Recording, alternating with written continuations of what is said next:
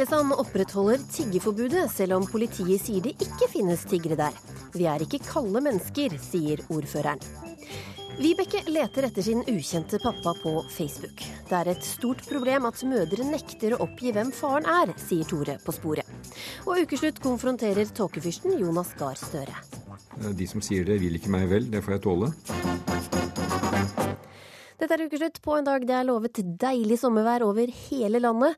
Linn Beate Gabrielsen heter jeg, og som vanlig starter vi med siste nytt. Elise Heisel Asbjørnsen.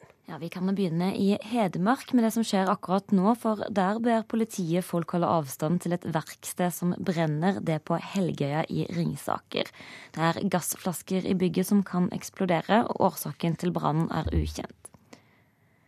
Så til Danmark, der Dansk Folkepartis leder ikke tror at de fire borgerlige partiene klarer å danne en flertallsregjering. Christian Thusen Dahl sier partiene er for ulike til et samarbeid. Dansk Folkeparti fikk flest stemmer av de borgerlige partiene i torsdagens valg, og den blå blokken forhandler i øyeblikket om regjeringssammensetningen. I Kristiansand er en 19-åring pågrepet. Det etter å ha stukket en mann i 60-årene med kniv i går kveld. Sammen med en annen skal han ha ringt på en tilfeldig dør og gått til angrep. Europarådet mener at det er en menneskerett for romfamilier å kunne ta barna ut av skolen. Det kommer fram i en ny rapport. Myndighetene har så plikt til å skaffe dem skolegang der rombarna måtte befinne seg, altså at kommunen da må fikse fjernundervisning. Bykjernene i Norges to største byer kan bli stengt for bensin- og dieselbiler. Politikerne både i Oslo og i Bergen foreslår å lage egne nullutslippssoner i sentrum. Det melder Dagens Næringsliv i dag. Et annet hett politisk tema landet over er tigging, og det står nå på agendaen i ukeslutt. Hvordan opplever du tiggere? Jeg syns det er veldig variasjon på tiggere. Jeg syns at de som blir veldig innpåslitne, f.eks. når du sitter på utekafeer og tar en pils, når de kommer bort og går inn i bordene med kopper og ikke vil flytte seg når man ber pent, det har jeg veldig lite til overs for.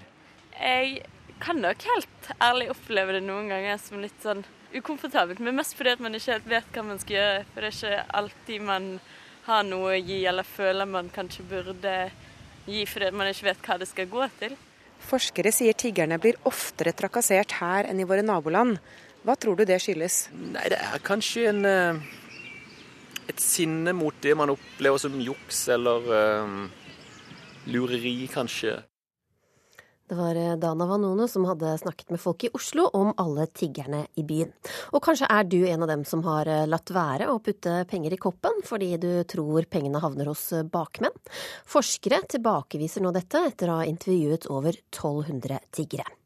Lillesand kommune er en av to kommuner som har innført eh, tiggeforbud, og denne uka bestemte de seg for å opprettholde forbudet. Hvorfor vil dere fortsatt ha tiggeforbud i Lillesand, ordfører Arne Thomassen?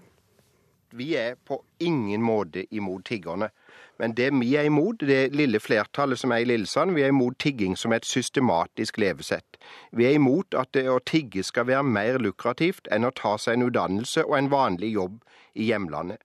Vi er imot fordi det videreføres i generasjoner, og er med på å undergrave holdningsarbeid, utdanning og sysselsettingstiltak i deres hjemmemiljø. Og det er et faktum som er blitt underkommunisert her i Norge, at romfolkets egne organisasjoner i Romania faktisk er imot den tigging som deres landsmenn og kvinner står for i Norge. Vi er imot, ikke fordi vi ikke vil hjelpe folk, men fordi man mener at det er andre virkemidler som er bedre, eller at hjelpen virker mot sin hensikt. Lønn, jeg må bare gi et eksempel. Lønn for en nyutdanna lærer er 60-70 kroner dagen i Romania. Å kunne reise til Norge og tjene to-tre ganger mer er med på å undergrave lokalt arbeid som blir gjort i hjemlandet. Dette er signaler som tiggere er med på å videreføre i deres hjemland. Mm.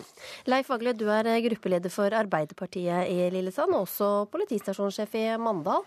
Hvorfor vil ikke dere ha et uh, tiggeforbud? Jeg jeg gjør det veldig klart i starten at jeg har på meg polit politikerhatten nå, ikke mm. politihatten. Mm. Eh, og i forhold til det så er det et verdispørsmål for oss. Vi mener at det her tråkker man på de svakeste av de svake. Og det er ganske søkt når ordføreren i Lillesand her, Arne Thomassen, snakker om at romfolket bør benytte muligheten heller i sitt hjemland. Vi vet jo at det er et folk som er diskriminert også i sitt hjemland. Dette vet vi er fattige mennesker. og han snakker om romfolket, men tiggerforbudet det vil gå utover alle, ikke bare romfolket. Og det er stikk i motsatt slik vi tenker i forhold til prostitusjon f.eks. Det ble innført en sexkjøpslov hvor de prostituerte de blir ikke kriminalisert, men de fattige stakkars tiggerne som holder fram koppen for å få noen kroner i koppen, de skal vi altså kriminalisere. Vi skal bruke politiressurser på å ta disse menneskene, så er det kanskje et bakmannsapparat. Det er jo stilt litt eh, spørsmål om i, disse dager. Men er det det, så mener jeg politiet må bruke ressursene på bakmannsapparatet, ikke de stakkars menneskene i fremste linje. Men det er jo òg slik eh, Jeg har stor respekt for, for oss og Leif Vagles syn i dette. Og det er jo ikke så veldig mange år siden Leif Vagle og vi hadde samme syn på det. Jeg har jobba tett, jeg har vært ordfører i snart tolv år jobba tett opp mot politiet. Og nå er vi over på en diskusjon som er veldig interessant, men veldig krevende. Fordi at vi kan ikke si at alle tiggerne har bakmenn. Dere er helt enig med Leif Vagle. Men det er nød i verden. Norge er et land som sender ut folk som er fattige, som kommer hit for å be om hjelp, og som ønsker å skape en bedre framtid for seg og sin familie. Vi gir ikke opphold til økonomiske flyktninger med det resultat at vi sender ut et titalls fattige personer hver eneste dag til land som Armenia, Liberia, Afghanistan. Det er brei enighet blander, om på Stortinget. Nå blander Nei, Arne Thomassen litt, for at disse menneskene her de, de, de, er, de, har mulighet til å fritt bevege seg innenfor Schengen- og EU-området. De du snakker om nå, de er de som blir bortvist fordi de ikke får opphold. Ja, ja, Thomassen, om... jeg har lyst til å, å spørre deg. Politiet de sier at det knapt var noen tiggere i Lillesand da forbudet ble innført. Hvor stort problem er dette egentlig for Lillesand? Ja, nå, nå vrir vi jo spørsmål, og nå er det interessant. For når denne debatten ble tatt opp i Lillesand, så var det langt flere tiggere. Og vi må huske at eh, vi blander dette som går på kun å tigge på gata, og dette å besøke folk hjemme. Og Senest i går så hadde jeg tre henvendelser fra tre eldre mennesker i Lillesand som var blitt oppsøkt hjemme, og hvorav den ene, en eldre dame, hadde da mistet sine penger fordi at det hadde kommet en aggressiv. Vårt forbud handler ikke om dette ene flotte mennesket som sitter på gata, som jeg nikker og hilser til når jeg møter henne. Dette handler om systemati, en systematisk tigging rundt om i hele kommunen, og hvor en del eldre mennesker føler seg utrygge. Ja, det, er noe helt annet. Det er jo dokumentert fra politiet, da, som det blir sagt her, at det, det er et marginalt problem i Lillesand. og Det er det jeg òg hele tida har hevda. Når problemet og, og diskusjonen kom opp, det var nett nettopp fordi at det var romfolk som invaderte Oslo og parkene der. Og da ble det forslag om et nasjonalt tiggerforbud, og det kunne jeg forstå, faktisk. Ville det blitt et slikt problem i Lillesand, så ville jeg nok òg kunne vurdert mitt standpunkt. Men det er én til to til tre tiggere der, og de er faktisk ikke tiggere lenger. De selger folk er folk, og de leverer også ut noe, noe vare de har strikka. Så hvorfor når da situasjonen tydeligvis har endra seg fra det opprinnelige med at det var noen aggressive tyrkere. hvorfor kunne ikke nå Høyre gå inn for å oppheve det nå, når situasjonen har endra seg så dramatisk? Nei, altså det, det er litt uh, unyansert, Leif Vagle. fordi at det du viser til, det er igjen disse som sitter helt i sentrum i Strandgata. Jeg snakker om dette med tigging på dørene, tigging i hele kommunen. Og vi vet alle at du skal ikke mer enn to år tilbake, så kom det hver eneste morgen to minibusser og parkerte ved den lokale Esso-stasjonen. Der er tatt bilder og dokumentert av alle de som kom ut, og som var rundt om i byen. Og vi har mange ja, men Det er veldig rart Arne, at ikke du bruker den dokumentasjonen da i bystyresalen. Den kom ikke fram i debatten i det hele tatt. Og det som er tilfellet, det er jo det at politiet har jo mekanismer og uh, lover og regler som kan øh, ta de som eventuelt forstyrrer den øh, lovlige orden. Så Men hvis det var mange flere tiggere før, Vagle, viser ikke det at at eh, forbudet virker, da? Det er nesten ingen Nei, altså, det, Forbudet det ble effektivt i mars, det. Og da, da er de, de, er fraværende i vinterhalvåret. Så det er to-tre stykker her eh, i sommerhalvåret. Så, så en kan ikke uh, få målt det, egentlig. Nei, og Det har Leif Vagle helt rekt. Og det er heller ikke riktig at vi som politikere skal løpe rundt og ta bilder og vise det i bystyresalen. Og det vi òg opplever med lokale meningsmålinger, også nasjonale, så har vi støtte blant innbyggerne. Dette er en krevende sak, og jeg syns også at man her skal respektere hverandres syn. Og vi er alle interessert i å hjelpe de svake. Og ja, og det er nok vi veldig opptatt av, å respektere hverandre. Men for oss er det faktisk et verdispørsmål. I Lillesand ønsker jeg skal være inkluderende for alle, og der mener jeg at Høyre bommer når de ønsker å skyve ut disse svakeste av de svakeste. Er det å ta vare på de svakeste og forby dem den siste utveien de kanskje har til å skaffe seg penger? Nå, nå vet vi at dette ikke er den siste utveien, og nå vet vi at dette er en mye mer komplisert sak enn det som blir fremstilt her. Dette er en sak som berører oss alle sammen. Og det er ikke slik at vi i Høyre Lillesand er, slik det er blitt sagt fra Arbeiderpartiet, kaldere mennesker enn de andre. Vi kan hjelpe de, og vi vet at det er stor innsats fra regjeringen for å hjelpe romfolket hjemme på en mye bedre og mer verdig måte. Ingen av storbyene i Norge klager lenger på at det er noe stort problem. Det er et marginalt problem, og det er et bitte lite problem i Lillesand. Så det er veldig spesielt at Høyre i Lillesand skal holde fanen så høyt og bli det siste kommunen som skal stå igjen med et tiggerforbud. Jeg trenger hjelp av alle nå. Som noen kanskje har lest, så vet jeg ikke hvem min far er. Nå prøver jeg å finne litt informasjon og håper noen kan hjelpe meg. Slik begynner eh, etterlysninga Vibeke Lockert la ut på Facebook for noen uker siden, sammen med et bilde av en mann som kanskje kunne være faren.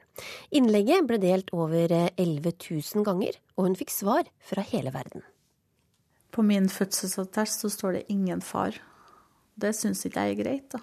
Jeg syns det skulle vært Det eh, skulle ikke vært lov. Vibeke Lockert har alltid vært hun uten pappa og med en barndom der det var én stor hemmelighet. Mm. Jeg kan hente et bilde. Det bildet er så forklarende. Det bildet her var da en klassisk situasjon i mitt, uh, mitt liv. Dette er tatt på kjøkkenet. Der ser du bestemor og mamma og meg. En smilende jente med melketenner og mørk pannelugg ser i kamera. Bak står Vibekes mor og mormor, som ser ut som de har blitt avbrutt midt i en samtale. Jeg kjenner igjen den stemninga der. Det bildet der forteller meg så utrolig mye. Jeg sto så mange ganger. Bodde jo, vi bodde jo på, i huset til bestemor. Det var en gård. Og da ofte så var de to på kjøkkenet. Så sto jeg bak den kjøkkendøra i gangen. Og da hørte jeg bestemor sa ja, men du må fortelle. Jeg vil vite, jeg òg. Og da sa mamma nei. Nei, nei, nei, nei. Heller ikke da Vibeke ble voksen, var det svar å få på hvor de mørkt brune øynene og den livlige personligheten kommer fra. Moren ble unnvikende og rar hver gang hun spurte. Siste gangen jeg hadde på en måte satt av litt til veggs, da var når jeg var 26. Og da ringte jeg, eh, da bodde jeg i Oslo. Ringer jeg, og så hører jeg at hun er litt sånn eh, litt syk, da. Litt sånn ikke helt i form. Og så bare sånn helt av det Det var ikke noe sånn at du var sjuk alvorlig, men jeg bare Nei, men hva, hvis det skjer noe med deg, da? Hvem har jeg da? Jeg bare Nei, så må du slappe av, sier jeg. Så sier jeg men jeg må jo vite. Ja, men det tar vi seinere. Det tar vi seinere. Og det har liksom avfeid meg med det bestandig. Det tar vi seinere. Og til slutt da, så tenkte jeg ja, jeg har jo god tid. Men Vibeke hadde ikke god tid. For tre år siden døde moren. Og da tenker jeg liksom å herregud, første selvfølgelig kommer jo sorgen, og nummer to nå skal jeg finne ut av det. Og da liksom ble jeg, ble jeg sint på meg sjøl. Hvorfor har jeg ikke spurt, da? Hvorfor har jeg ikke på en måte lurt mer, da? Men samtidig, du tror jo at du har all verdens tid. Mora mi var 57 år. Jeg trodde jeg hadde massevis av tid. Men nå sitter jeg jo her, da masse spørsmål og på en måte har skrevet en tekst som jeg trodde kanskje var litt uskyldig, men samtidig, nå har jeg starta. Da hun rydda i morens ting, fant hun et bilde av en mann hun ikke kjenner. Mitt spørsmål, da, hvem den personen er, og hvorfor hun på en måte har tatt vare på det bildet. For det Jeg kan ikke forstå det, hvorfor hun gjorde det, for hun var ikke sånn som Hun tok vare på ting hvis det betydde noe, da. Hun la ut bilde på Facebook med en tekst der hun ba om hjelp. I løpet av noen uker ble posten hennes delt over 11 000 ganger, og svar fra hele verden begynte å strømme inn. Jeg ble jo kontakta av ei utrolig hyggelig dame som sier at nei, han her har jeg vært gift med. Det var bildet du hadde lagt ut? Det var bildet jeg hadde lagt ut. Og da uh, sender jeg melding tilbake til henne, vi snakker på telefon, så sier jeg at du må ringe han, sier jeg. Og han er så hyggelig. Og det er ingenting som har gjort han mer glad enn at han faktisk har et barn. Så sier jeg ring han, sier jeg. Og jeg ringer han, og jeg legger fram min sak, og for en fantastisk mann. Trønder, eh, rett fram type. La ikke noe imellom. Og han eh, Jeg fant ut at han faktisk hadde vært i militæret der, da. I nærheten av der mamma har gått på skole. Men han var jo en del år yngre.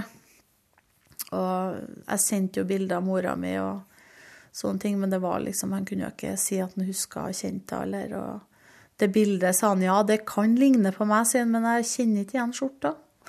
sånn som en ekte trønder. Han sa liksom Nei, han Det var ikke han, da. Her, vet du, Valdres yrkesskole. Mamma gikk på Valdres yrkesskole, husstellsavdelingen, vårkurset 1976. Og da var hun gravid, vet du. Hva tenker du at hun etterlater deg med så mange spørsmål? Slitsomt. Iallfall slitsomt nå når jeg velger å prøve å finne ut av det, for det er jo Jeg ønsker jeg kunne ha fått hjelp til å liksom gått gjennom og noen som kunne forklart meg hvordan jeg gjør det. Men sant, jeg har ringt personer, jeg har sendt meldinger. 'Er det her du? Har du kjent mora mi?' Sånne ting. Og folk er jo veldig åpne, da. Men jeg har jo på en måte ikke møtt den riktige personen. Jeg har ikke fått det svaret som, som jeg trenger. Hva tenker du om at du nå jeg holdt opp å si, leter etter noe som mamma din ikke ville at du skulle vite, egentlig? Jeg har jo på en måte røska opp i noe som ikke skulle ha blitt røska opp i. Det er jo voldsomt det jeg holder på med nå. Det her er jo hennes verste mareritt. Mm. Det her er jo absolutt det verste jeg kunne ha gjort. Men samtidig så tenker jeg at det handler om meg, da. Det, jeg vil få finne ut av det. Reporter var Gry Veiby. Tore Strømøy, du har eh, sporet opp og gjenforent mange i serien eh, Tore på sporet. Hvordan ville du gått fram hvis du var eh, Vibeke? Det er jo en, en, klassisk sak. Jeg har mange sånne som har mødre som ikke vil fortelle. Og Jeg bruker jo først og fremst å be dem gå og spørre mora si og helse, be helsa fra meg og si at de bør svare. Men nå er jo dette for seint for henne, da, for mora er jo død. og da ja, jeg syns jo Vibeke har vært flink her, for hun har jo gjort det samme som jeg ville gjort, kanskje. Gått på stedene der hun hadde vært, funnet ut hvor kunne ha blitt gravid hen. Og det er jo, det er jo sånn lykke og fromme-sak, det her. Leit etter nåla i høystakken. Så, så, så, hun har jo ikke noe annet valg. Det er klart Facebook og sånne ting åpner nye muligheter, men det kan være litt skummelt òg, fordi det kan bli dratt inn mange som kanskje ikke har noe med saka å gjøre, som da blir dratt inn uten at de ønsker det. Så det er ikke enkelt. Nei. Mette Pedersen, du fant eh, faren din i fjor etter å ha lett i eh, mange år. Hva tenker du når du hører eh, Vibekes historie? Jeg kjenner jo det at jeg blir, blir rørt. Skjønte kjente tårene nesten kom. Jeg kjenner meg selv igjen i det, da. Men jeg har ikke Mamma visste jo ingentingen. Så Eller hun visste at jeg hadde truffet han. Så hun fortalte meg alltid at uh, pappaen din er kanadisk. Mm. Det var det jeg visste, og navnet. Så hvordan gikk du fram da du bestemte deg for å begynne å lete? Eh, Facebook. Begynte å lete litt der. Men eh, da lette jeg etter navnet hans, da. Søkte på han, men fant ingentingen. Og så gikk det noen år, og så fant jeg en uh, side for canadiske sjømenn som var pensjonister. Og fant et par-tre menn der som jeg skrev til. Og lurte på om de visste hvem faren min var. Da, for, for han var sjømann? Pappaen min var sjømann, ja. Og jeg hadde jo navnet hans, og når han var i Norge, og navnet på båten. Men det var ingen som kjente det navnet. Men den dagen jeg fant den, da, da skrev jeg til en fyr, og helt tilfeldig, så heldig som jeg var, så var det bestekameraten til pappaen min, som var her i Norge i 1974. Og jeg hadde da fått feil navn for han het ikke William, han het Wayne. Men etternavnet var riktig, da. Mm. Så nei, alt, hele historien er bare Jeg kan nesten ikke tro det sjøl enda. Kan du beskrive øyeblikket da du møtte ham for uh, første gang? Uh, det var rart. Uh, det var Det var som jeg kjente den, egentlig, fra før av. Så det var helt uvirkelig.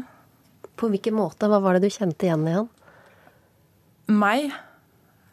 Jeg så med en gang og følte med en gang at uh, dette er en del av meg.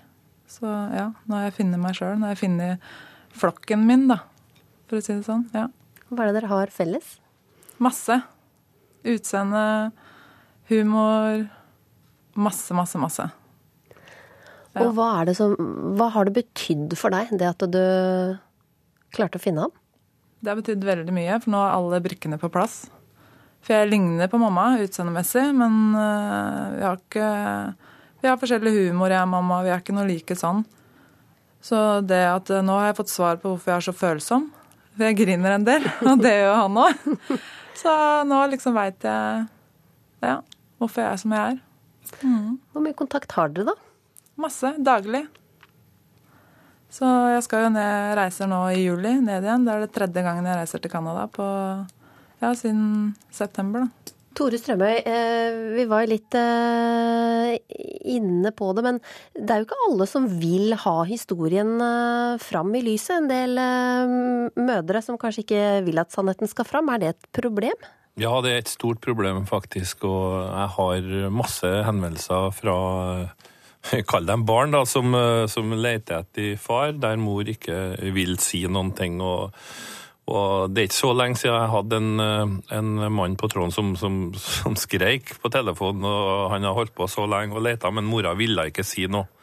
Jeg har òg vært borti saker der vi, eh, eller ungene, da, endelig fikk mora til å snakke. Og når jeg satte i gang letinga, så kom vi bare noen måneder for seint, for da var faren død. Så så sjøl om uh, man prøver å, å, å, passe på seg sjøl og ikke rippe opp i kanskje ting som ikke var noe særlig, så, så syns jeg han skylder det overfor ungene. Uh, at de får vite det uansett hva som egentlig skjedde den gangen de var sammen. Så, så er det ungene sitt far, og jeg syns jo sånn som de som har vært før, sier at de har krav på å få vite det. Jeg syns det. Hva sier moren din, Mette? Mamma var veldig, veldig glad når jeg ringte og fortalte det, for hun har alltid visst at jeg ville vite hvem faren min er, så hun har støtta meg hele veien og er superglad på mine vegne. Mm. Ja. Tore, er det noen du angrer på da, at du har hjulpet fordi det, det rett og slett ikke endte så bra? Nei, faktisk eh, ikke. Eh, jeg har jo funnet folk som ikke ville bli funnet, for å si det sånn. Mm. En far som Det var en datter fra utlandet som lette etter ham, og han sa han ville ikke ha noe kontakt med henne, for han hadde etablert ny familie og fått nye barn, og han, det passa ikke akkurat nå. Det syns jeg var litt trist, fordi eh, jeg vet at ungene hans, når de blir store og får høre at eh, de kunne ha møttes mange mange år tidligere, eh, vil være trist for de årene de, de mista. Men jeg har ikke noe sånn, ikke noe sånn anger på noe spesielt som jeg kommer på, nei. Men hvordan har det preget deg, da, at du helt fram til fjor ikke har visst hvem faren din er? Jeg visste jo ikke om noe annet. Jeg var oppvokst uten en pappa, så jeg savna på en måte ikke det å ha en far, for jeg visste jo ikke hvordan det var. Men jeg ser jo det nå, når jeg har fått en søster og en bror også, at jeg skulle ønske at jeg var en del av livet hans fra jeg var bitte liten. Jeg skjønner jo at jeg har gått glipp av en del. Mette, har du til slutt noen eh, råd til Vibeke, som er i gang med sin eh, jakt? Det er bare å fortsette å stå på og leite. Så kanskje jeg håper at du er like heldig som meg. For at jeg ble tatt imot i Canada med åpne armer av både søster og bror og, og ny, eller en stemor, da. Kona til pappa. Og selvsagt pappa og hele familien hans. Og tanter i Amerika som har skrevet til meg masse på Facebook. Så jeg har jo slekt både her og der. Så jeg ble tatt imot med åpne armer, og det er eh, mer enn jeg hadde forventa. Det skal jo også sies når man, når man kritiserer mødrene. Det er jo mange fedre ute der som, som, som vet av, både unger og mor, som kunne ha tatt kontakt òg. Så eh, det er ikke alle fedre som trenger å sitte og vente til at de blir funnet. Takk skal dere ha, Mette Pedersen og Tore Strømøy. På NRK Debatts Facebook-sider kan du se bilder av Vibeke og moren, og kanskje du til og med har tips i saken.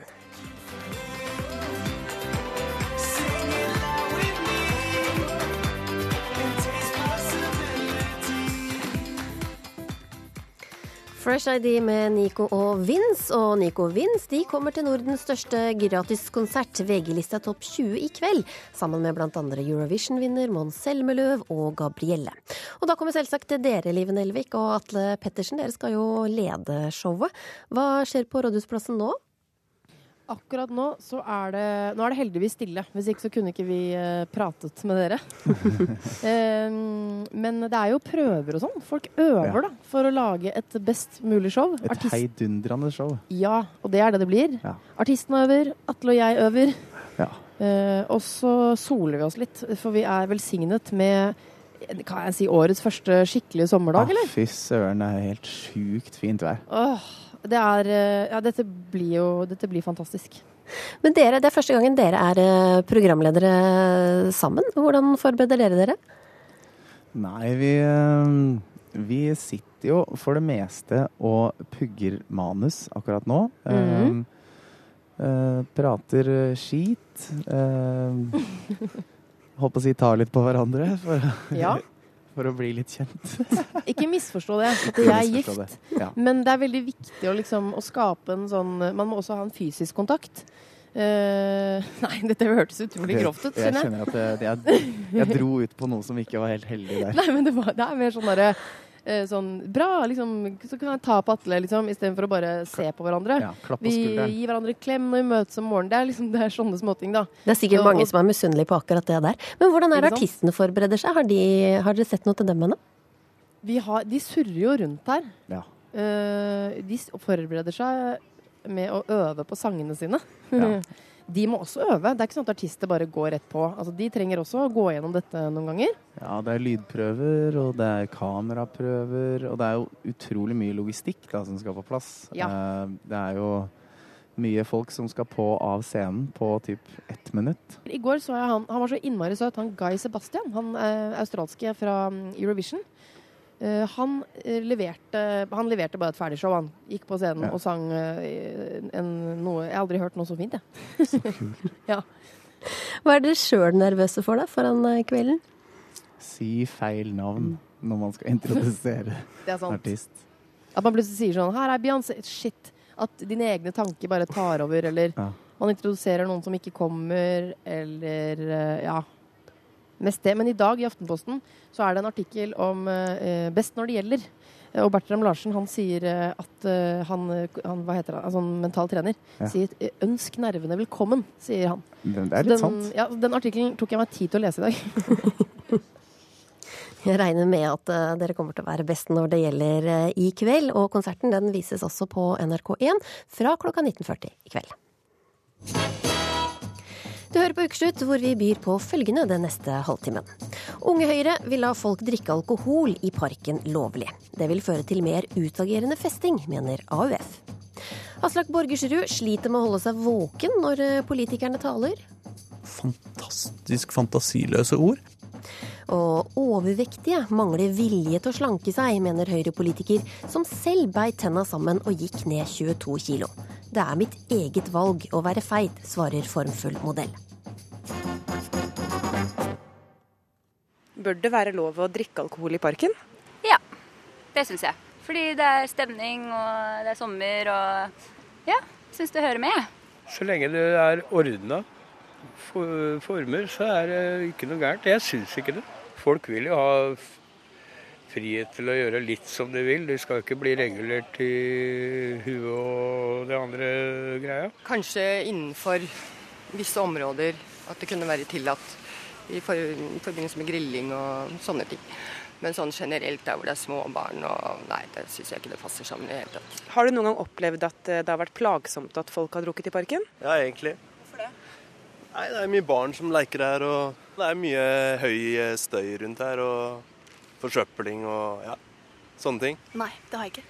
Jeg har vært på én russefeiring én gang. Da var det litt mye. Men det er mange år siden. Ellers har det vært veldig bra. Se det for deg. Sola skinner, måkene skriker, og vi legger ut eh, teppe og piknikkurv i eh, parken. Fram med jordbær, litt god mat og noe kaldt i glasset. Velkommen hit, unge Høyre-leder Kristian Tonning Riise og Ina Libak fra AUF. Kan vi by dere på en pils, riktignok eh, alkoholfritt? Ja takk. Det er hyggelig, det. Det er jo ikke parken nå, så det er kanskje ikke like liksom, akseptabelt med pils på jobb. Jeg vet ikke hvordan det er i NRK, jeg, men Alkoholfritt. Alkoholfritt, det er akseptabelt. Men eh, hvorfor skal vi ikke få lov til å nyte alkohol i parken eller på stranda, Libak? Det her handler jo ikke om det. Det handler jo om at eh, man ønsker å oppheve den regelen som sier at man ikke skal drikke på offentlig sted, som politiet mener er viktig, fordi de gir de en hjemmel til å gripe inn hvis det er noen eh, som har utagerende atferd, eller hvis det eskalerer. Politiet sier selv at det er viktig å ha den regelen, men den blir ikke håndhevd eh, med mindre de eh, trenger det. Det mener vi er riktig. Så har jeg lyst til å spørre Unge Høyre-lederen med en gang, for det er jo på en måte bakgrunnen for saken. Er dette noe Unge Høyre mener alene, eller er det noe Høyre mener? For nå har de kjørt veldig hardt på denne saken. De har eh, reklameplakater hvor det står at du skal stemme Høyre, så får du ja til pils i parken. Og da lurer jeg med en gang på sånn, er det dette, eh, mener Høyre dette? Vi har en 100-dagerskampanje nå hvor vi legger ut en politisk eh, sak som vi er for. En ny sak hver dag frem til valget. Og Der vil du finne både nasjonale saker, du vil finne lokale saker, du vil finne saker som Unge Høyre er for og som Høyre er mot. Du vil finne mange saker som vi er eh, enige om. Og dette er jo en sak som eh, Unge Høyre har ment eh, i mange år. Og jeg tror det er litt, litt delte meninger i moderpartiet om det. Akkurat nå så står det vel ikke noe i Høyres program om dette. Det har vært, vi har hatt støtte fra Høyre på dette tidligere, men i, i Unge Høyre så har vi jo at vi er et uavhengig ungdomsparti som kan mene ting som både moderpartiet er enig og uenig i. Så ja. så jeg syns det har vært mer spennende å diskutere debatten. Diskutere hvorfor man Da skal jeg få spørre deg, ja. Hvorfor er det viktig å kunne drikke alkohol lovlig i parken? Altså, hvis, du ser, hvis, du reiser, hvis du ser rundt omkring nå, går rundt på norske parker, eller du f.eks. skjærgården rundt hele kysten, også, så sitter jo folk ute og griller grillmat i sola og nyter et glass vin eller nyter en pils til. Og Problemet er jo at alle disse egentlig gjør noe kriminelt i dag. Og så er det jo helt riktig som det ble sagt der at politiet ser helt gjennom fingrene på det. De gjør det i stor grad i Oslo. Men det er veldig forskjellig praksis fra politidistrikt til politidistrikt. Og jeg syns uansett det er problematisk å ha lover og regler som egentlig gjør veldig mange tusen mennesker hver sommer eh, til kriminelle. Og det er jo sånn at Vi har lover og regler eh, i Norge som gjør at man kan gripe inn overfor folk som har eh, har en eh, støyer eller som har annen sjenerende atferd. Og hvis vi bare reiser til Danmark, så er det jo fullt lovlig å drikke på offentlig sted. Det er jo ikke sånn at hver park i Danmark er overoppfylt av eh, av stup fulle, ufyselige mennesker, og at det er umulig for barnefamilier å kunne nyte parkliv. Altså, jeg syns kanskje at uh, AUF har litt liten tillit til, til folk. At liksom, straks du får litt frihet, så blir du et ufyselig menneske. Jeg har litt mer tiltro til at folk klarer dette selv. Libak. Allerede nå så sitter jo folk som han sier, og drikker åpenlyst i, i, i parken uten at politiet griper inn. Hva er vitsen med et forbud som eh, heller ikke håndheves? Jeg syns dette blir en veldig feil situasjonsbeskrivelse. Jeg synes sånn som det er i dag, fungerer veldig bra. Og jeg har lyst til å si det sånn som stasjonssjefen på Grønland politistasjon sa i Aftenposten i går. Han sa eh, at han tror at hvis man opphever forbudet, så vil det kunne eskalere. Da kan det komme ut av kontroll. Det er jo det som fungerer så bra med dagens lovverk, at man har en hjemmel. Jeg er redd for å ta fra politiet det her, eh, det, her redskapet som de kan bruke hvis det er store arrangementer med barnefamilier hvor man ser at noen har en full fest, så kan politiet gripe inn. Å ta fra de det redskapet eh, syns jeg er farlig. Også, ja, hva syns du om det, Tonje Grise? Altså, det er jo alltid sånn at, eh, at politiet vil ønske videst mulig eh, fullmakter for å kunne gripe inn mot alt mulig rart. Jeg syns heldigvis det er sånn at det er eh, politikerne som bestemmer hva som skal være lov, og hva som ikke skal være lov. Det er jo sånn at vi i en, i en liberal rettsstat så er det ikke sånn at vi i til at vi i teorien forbyr alt, sånn at politiet skal kunne få lov til å gripe inn mot det de vil. Det er sånn at man setter noen lover og regler for hva som skal være lov og ikke lov.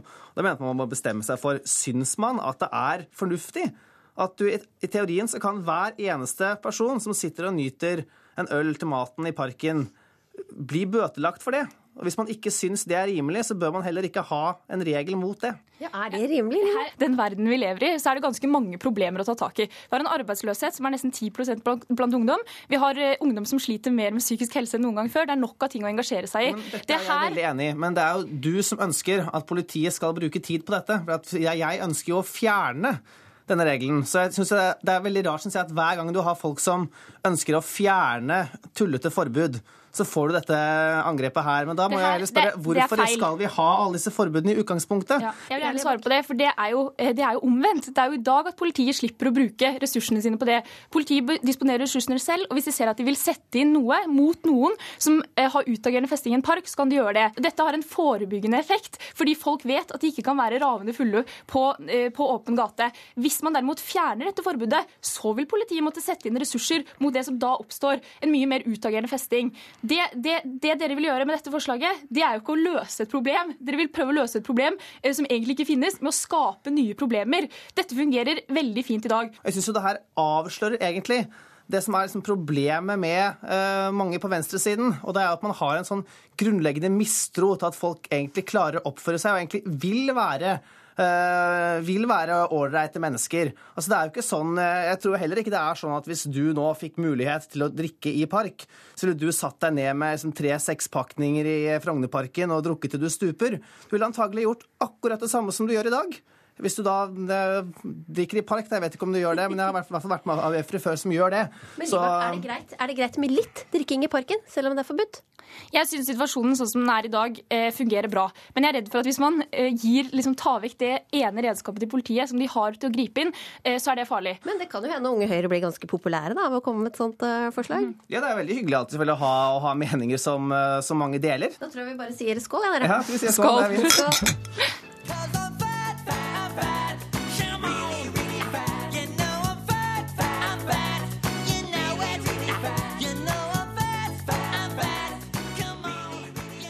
Høyre-politiker Sveinung Stensland slanket seg 22 kilo på tre måneder, og mener overvektige bare mangler vilje til å gå ned i vekt, og at alle må ta ansvar for egen fedme.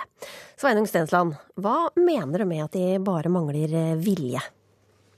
Jeg mente at jeg mangla vilje, og for meg så var det viljen som gjorde at jeg klarte å ta av. Eh, så er nok det utsagnet mitt i VG vridd og vendt litt på. Men det som er bakenfor for saken, er at eh, vi har hatt en debatt om folkehelse i Stortinget i vår, eh, der enkelte politikere er veldig opptatt av tiltak som staten kan gjøre, som å øke avgifter, begrense tilgang, innføre tiltak i skolen, for å gjøre noe med overvekstproblemet i Norge. Det finnes én million overvektige i Norge, eh, og det jeg mener er at mange av disse, sånne som meg, feite 40-åringer som ikke har brydd seg så mye, kan ved å gjøre noen enkle endringer i, i livet ta av hvis det er det de ønsker. Eh, og dette er ikke noe jeg er opptatt av for utseendet sin del, men det er for å hindre livsstilssykdommer. Og da er hele mitt poeng at eh, skal en gjøre noe med utfordringen livsstilssykdommer innebærer, så må en gjerne endre litt på livsstilen den enkelte. Og Det kan ikke staten gjøre for oss, det må vi gjøre sjøl. Hva slags reaksjoner har du fått da, etter VG-oppslaget? Eh, det store flertallet har gått på at, at jeg satt fingeren på satt, traff spikeren på hodet, og det er sånn det er. Det er du som er her i eget liv. Det er du som avgjør eh, hvor mye du spiser, og hva du spiser, og når du spiser. Og så er det andre igjen som mener at eh, jeg er usmakelig feit og ble kvalmen av å lese meg i VG og syns jeg er en forferdelig fyr, samtidig som jeg er en moralist og en overklassetulling. Så det, det, har vært uh, veldig mye forskjellig, men det er iallfall interessant, uh, interessant at når en politiker sier at løsningen på livsstilssykdommene er å endre livsstilen, så er en, uh, er en, en tulling. Mm. men sånn er det vel. Hvis du mener noe, så er det ofte noen som er uenige, og klart det har skapt en debatt, og det er viktig. Nastaran Kovkabi, du er såkalt plus size-modell. Er det ikke bare for overvektige å skjerpe seg, da, så blir de slanke? Eh, jeg tror ikke det er tilfellet for alle, nei. Eh, som vi hører her, så er det jo antageligvis noen som kan eh, endre livsstilen sin ved å skjerpe seg litt, men jeg tror nok at det ikke er så svart-hvitt som det man gir uttrykk for. Det er jo mange ytre faktorer som sykdommer, stoffskifte, hormoner, som også spiller inn for veldig mange, som gjør det vanskeligere enn å bare skjerpe seg. Mhm. Ja, det fins flere årsaker til fedme, Stensland. Skal de også bare ta seg sammen? Nei, absolutt. Og det er derfor det er greit at en kan få rom for å nyansere litt ord nå i dag. Eh, jeg snakker til det, det store flertallet. Eh, de som har fått eh, litt mange kiloer for mye fordi at de har hatt et bedagelig liv. Jeg har brukt meg selv som eksempel. Jeg er fortsatt overvektig. Etter oppslaget i VG siste uke, så kan vel jeg snart kalle meg for pluss size-modell. Altså, det er mange som som drar på seg noen kilo i året. En gjennomsnittlig 40-åring i Europa fem, legger på seg 10 kilo før han blir 50. Det er de jeg snakker til. Mm. Så det er selvfølgelig folk som er syke. De skal få behandling, de skal vi hjelpe. Mm. Men jeg er iallfall enig, helt enig med pluss size-modellen. Og jeg ringte VG når, når, hun var ute og uttalte seg sist fredag for å si hun har helt rett. For en må jo velge selv om en ønsker å være overvektig eller ei. Mm. Men det fins ingen... hvor feit er det greit å være, da? Jeg tror det kommer veldig an på altså, Her må man se på to vinklinger. Her må man selvfølgelig se på det helsemessige aspektet. Og se um, altså hvor god tilstand har du, altså helseeffekten din. Eh, og så må man også se på litt det med komfort. Jeg personlig nå har gått opp litt pga. en ny jobb der jeg sitter mye på kontoret. Jeg har hatt prolaps i ryggen og har blitt feitere enn det jeg var, eh, der jeg syns at dette her er ukomfortabelt. Og for meg per i dag så er det faktisk bare å skjerpe meg. Um, fordi jeg ser jo det at grunnen til at jeg har gått opp de kiloene jeg har gått opp, er av endringer i livsstilen. Jeg trener ikke like ofte som det jeg gjør, eh, og har nok antageligvis da en lavere forbrenning i tillegg. Men her snakker vi så utrolig mye kilo. Det er det eneste man fokuserer på. Hvor mange kilo du er. Og så tenker man ikke på det at det, Muskler og fett. Eh, muskler veier mer enn fett. Altså, det med kilomål har ikke nøyaktig alltid så mye å si. Men man vet jo at det er, eh, man, det er en større helserisiko da, ved å være overvektig.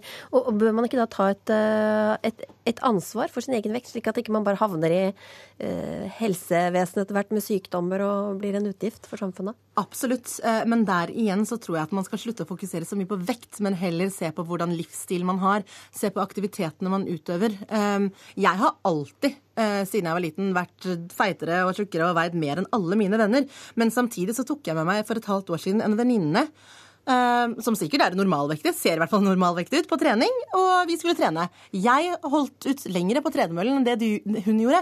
Og da må man også se på litt helsemessige effekter, der. Hvem av oss er det som er i bedre form? Og det er jo da Det var jo tydeligvis da, i hvert fall jeg som da var overvektig, versus henne som er normalvektig.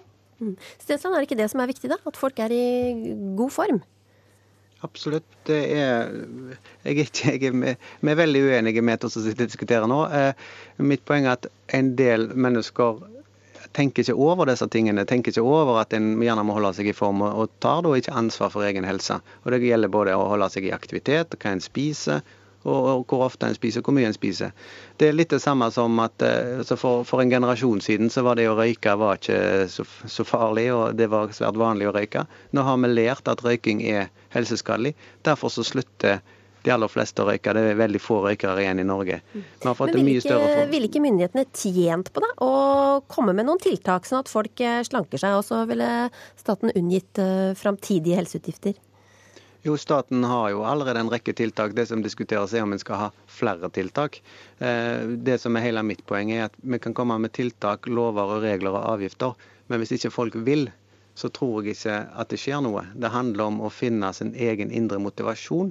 Det handler om å gjøre små, enkle grep i hverdagen fra dag til dag. Dette er ikke noe sånn vidunderkur. Dette er å endre og ta tak i sitt eget liv. Og det tror jeg folk sjøl er mye mer i stand til enn at staten, at vi 169 på Stortinget skal lage noen regler, og vips så forandrer hele det norske folk atferd.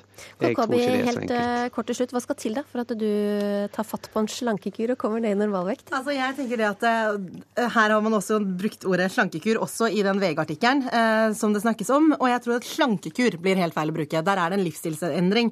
Eh, for meg så er det som sagt bare å skjerpe meg litt. Jeg må stå opp litt tidligere, dra på trening om morgenen. Men jeg tror også det at det å faktisk legge til rette litt mer livsstilsendringer for folk hvis, først, hvis, staten først skal innblandes, eh, istedenfor å ha fat camps, der man sendes ut i tre uker og lever avskilt fra omverdenen for å gå ned i vekt og trene, så syns jeg at man heller bør tilrettelegge litt enklere trening, og at man da også gjør, gjør, det litt lettere å få litt sunnere alternativer i hverdagen. Tusen takk skal dere ha, Nastaran Kokobi og Sveinung Stensland. Hvem snakker om sex oftest på Stortinget? En eh, ny søketjeneste avslører hvilke ord politikerne bruker flittigst. Reporter Elisabeth Onsum møtte Slasken på tinget, journalist Aslak Borgersrud, som innrømmer at han har holdt på å sovne flere ganger under taler i stortingssalen. Vi står og kikker på en skjerm i vandrehallen i Stortinget. Den viser en oversikt over hva som diskuteres inne i stortingssalen akkurat nå. Aslak Borgersrud fra Dagsavisen er husvarm her. Han har holdt på å sovne under mange debatter. Jeg vil si drøye 90 av alle innlegg fra talerstolen, så må du virkelig jobbe for å holde øya oppe, for å orke å høre på og for å orke å følge med på, på hva de snakker om. Så er det kanskje ja, noen få, kanskje 10 da, som, som snakker på en sånn måte at du blir interessert. Og uh, Det er forskjellen fra å, å ligge og halvsnorke på pressebenken til å, til å, sitte oppreist og være engasjert og følge med. Skal vi gå inn og høre på litt? President, dette er noe vi kan fortelle våre barnebarn om, sa Statoils letedirektør da Johan Sverdrup-funnet ble funnet i 2011. På talerstolen står Marit Arnstad og snakker til et knippe miljøpolitikere. Oljeminister Tord Lien klager på Twitter over laber interesse fra pressen. Tord Lien tvitra slik ser presselosjen ut. Ja. Sitter og koser seg på Twitter. Noe moro med å drive med. På galleriet, der publikum har adgang, sitter to personer. Et pent antrukket par, muligens 50 pluss. Oljeressursene har jo ikke gjort et så vesentlig vedtak om utbygging og man har jo sett bilder av at representantene også sovner inne i stortingssalen. Ja, det gjør de hele tida. Og eh, om de ikke sovner, så sitter de og orker ikke og greier ikke å følge med og trykke feil. De skal stemme for eller mot eh, landbruksoppgjøret. Og så stemmer de feil, liksom, fordi de, har holdt på i åtte timer og hatt den samme kjedelige debatten og, og blitt stappa full av uhorvelig kjedelige innlegg med fantastisk fantasiløse ord lite sitat fra, fra, fra Jonas Gahr Støre. Han har jo et rykte på seg til å være en, en eh, tåkefyrste. Og I arbeidet for gjennomføring av konvensjonene på landnivå er dialogen et virkemiddel, og vi som dialogpartner må se oss selv som en mulig endringsagent. jeg er ikke helt sikker på hva han prøver å si her, men jeg tror at han prøver å si at her må Norge hjelpe til. Men det er jo ikke godt å si. Jeg vet ikke hva en sånn endringsagent er for noe, egentlig. Det er kanskje en som prøver å få til noe. Det er i hvert fall umulig å skjønne. Nei, Jeg må jo bare ta en slags selvkritikk når det er trukket fram. For når jeg leser det nå, så syns jeg fortsatt det er et veldig godt sitat. Men jeg ser jo at det er jo et sitat som nok kan oppfattes å være litt gjenkjennelig for de som jobber med akkurat dette feltet over en del tid. Men jeg ser jo at det å være agent, det er akkurat det du sier du vil være. Det høres litt skummelt ut. Men noen har kalt deg en tåkefyrste. Eh, er det fortjent? Jeg syns jo ikke det er fortjent. Eh, jeg opplever at eh, jeg hører to ting om meg. Det ene er det. Eh, de som sier det, vil ikke meg vel. Det får jeg tåle. Og så er det noen som mener at jeg kan være veldig klar og litt for tydelig noen ganger. Og et sted mellom der ligger det kanskje.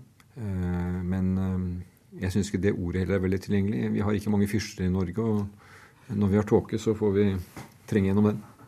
Men mellom Nye organisatoriske strukturer. Og Hva som skal dekkes av effektivisering. Arbeides proaktivt. Våre tjenester skal være fremoverlent. Og Et godt og bredt fokus. Et godt og bredt fokus. Fins det ord som kan vekke trøtte journalister på pressebenken? For jeg har nettopp tatt meg en liten snufs kokain. Uh, hey, check. Hun spurte om jeg var keen på noe. GHB, kokain og heroin. Hasj i urinprøven. Å selge sex. Uh, unnskyld, kjøpe sex. GHB, kokain og heroin. Fra denne uka er det mulig å finne ut hvor ofte ulike ord og uttrykk har blitt brukt i stortingssalen de siste 15 årene. Stiftelsen Holder de ord har gått igjennom nesten 300 000 taler og debattinnlegg. Hvis vi skriver inn f.eks. ordet sex, da. Ja, sex er jo uh så er det litt gøy når det står 'forekomsten av sex over tid', selvfølgelig. Men, men, eh, men, eh, det er jo selvfølgelig litt gøy at det er Kristelig Folkeparti som, eh, som snakker mest om sex på Stortinget. Men det er klart at da, da, da handler det jo også f.eks. om sexkjøpslova. Eh, ellers er det jo sånn at veldig mange av de ordentlig gøyale orda blir jo klubba fordi de ikke passer seg. Du vet, alt av griseri, det er jo veldig ja, ja, Ordet penis f.eks. har bare vært nevnt eh, etter hva jeg kan skjønne én gang i Stortinget, men da var det selvfølgelig en KrF-representant. Jeg tror det er oppsummert her sier noe om hva som har vært KrFs sjel i denne saken, det er saken.